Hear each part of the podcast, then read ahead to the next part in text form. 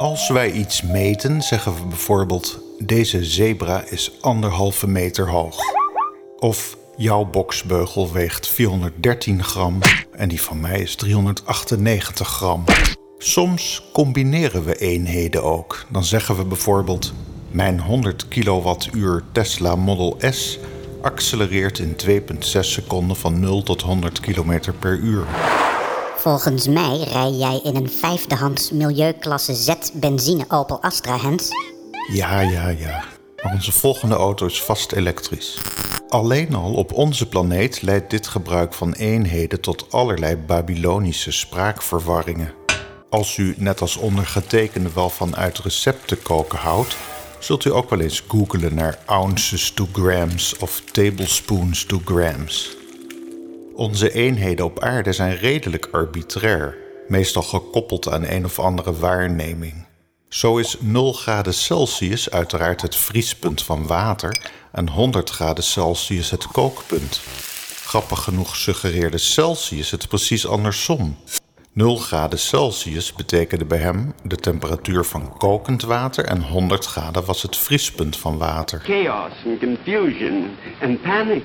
In 1743 werd dit omgedraaid tot de graden Celsius die we tot vandaag de dag kennen. Onze huidige graden Celsius zijn in de vorige eeuw exacter vastgelegd. Het absolute nulpunt, 0 Kelvin, heet exact min 273,15 graden Celsius te zijn. Die Celsiusschaal is geldig voor water bij een druk van 1 atmosfeer. Kijk, daar hebben we dan direct weer een eenheid. Eerder in deze reeks podcasts van NTR Focus Wetenschap hoorde u wellicht al dat onze meter is vastgelegd op basis van de lichtsnelheid en niet andersom. Het is interessante materie om eens over te lezen als u niks beters te doen hebt. Dit was allemaal een vrolijke introductie voor een bij gebrek aan betere woorden bijna mystiek gegeven, het eenheidsloze nummer 137. Voordat u nu gelijk uitschakelt bij de gedachte dat we het over numerologie of kabbala gaan hebben. Oh no! Nee, numerologie is niet het onderwerp van vandaag. Ik denk persoonlijk dat numerologie onze geest is die ons voor de grap houdt. In de show notes van deze podcast zet ik een link naar een prachtig artikel uit The Atlantic voor als u daar meer over wilt lezen. Mocht uw leven of dat van uw naasten op een of andere wijze mede geregeerd worden door willekeurige nummers, dan is het misschien een idee een boek over statistiek te lezen. Op OpenStax vindt u een fantastisch gratis boek. En er is ook het boek The Improbability Principle: Why Coincidences, Miracles and Rare Events Happen Every Day van David J. Hand. U vindt het onder andere op Amazon. Nu wordt het dan echt tijd voor een duister muziekje op de achtergrond. 137. Voordat we op de zin en onzin van dit nummer ingaan, is het interessant om eerst te definiëren wat dit nummer met de introductie over konijnen per seconde en meters per graden Fahrenheit kwadraat te maken heeft. 137 is een eenheidsloos nummer. 137 is een eenheidsloos nummer. Net als bijvoorbeeld pi of e of het getal 1. Dit noemen we ook wel pure nummers. De natuurkunde zit vol met dit soort nummers. 1836 is er nog zo eentje. Dat is de rustmassa van een proton gedeeld door die van een elektron. En als uw overgrootmoeder toevallig in 1836 geboren was, dan is dat toeval. Als de essentie van pure nummers u ontgaat, dan helpt het misschien om te begrijpen dat elke intelligente civilisatie in ons uitgestrekte heelal dezelfde nummers zal ontdekken. Zelfs als ons heelal is vergaan en er helemaal niks meer is, dan kunt u zich voorstellen dat het volledig abstracte idee van een cirkel nog steeds bestaansrecht heeft in elke combinatie van dimensies. En daarmee dus ook het getal pi. Maar goed, hoe zit het dan met 137? Ongeveer 1 gedeelte 137 staat bekend als alfa, ook wel de fijne structuurconstante of Sommerfelds constante. Dit is een fundamenteel getal dat aangeeft hoe sterk de elementaire koppeling tussen geladen deeltjes is. Laten we beginnen met die teleurstelling. Ik zei ongeveer 1 gedeeld door 137.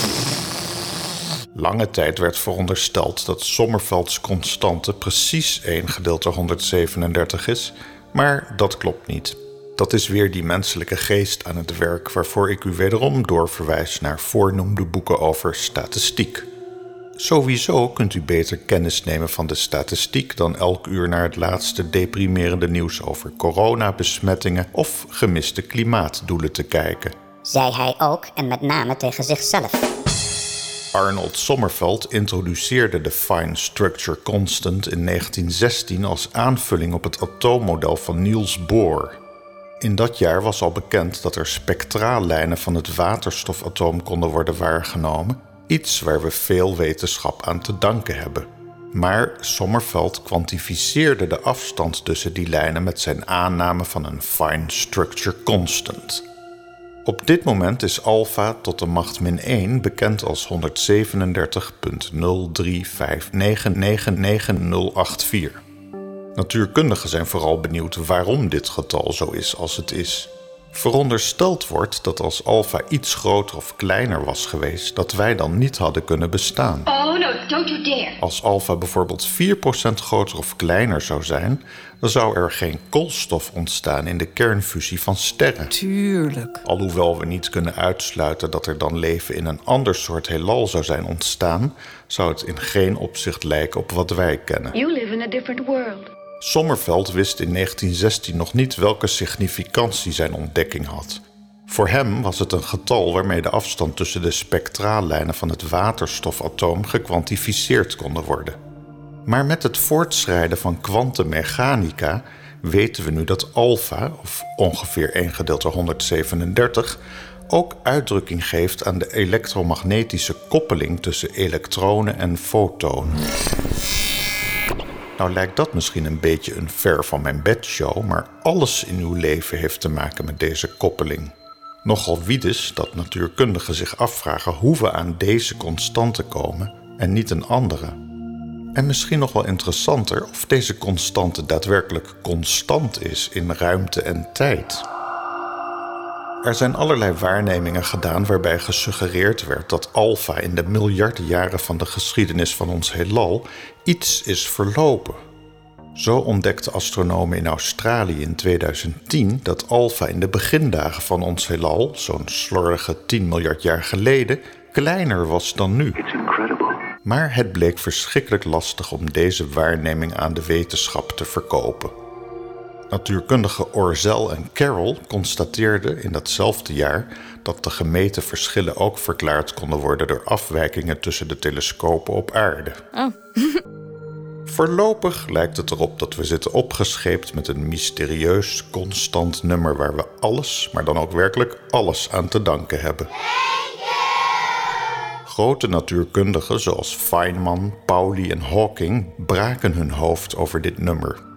We komen dan weer aan bij de discussie of dit heelal een fine-tuned universe is, waarin u nu naar dit verhaal luistert omdat allerlei natuurkundige constanten precies zo zijn als ze zijn. En als dat zo is, waarom dan? En zijn er dan oneindig veel andere vormen van dit heelal waarin het leven geen kans kreeg? Of een andere kans? Zijn wij het gevolg van statistisch gedobbel? En zullen we ooit kunnen weten of dat zo is? Although I don't know what good that would do. Wolfgang Pauli, een van de grotere namen in de kwantumfysica, was geobsedeerd door het nummer 137 en stierf tot zijn grote frustratie in ziekenhuiskamer nummer 137. Dit is dezelfde wetenschapper die ooit gezegd schijnt te hebben: Als ik God één ding mocht vragen, dan zou het zijn: waarom één gedeeld door 137? Well, U wilt misschien weten wat ik hiervan denk. En zo niet, dan is hier toch mijn hersenspinsel.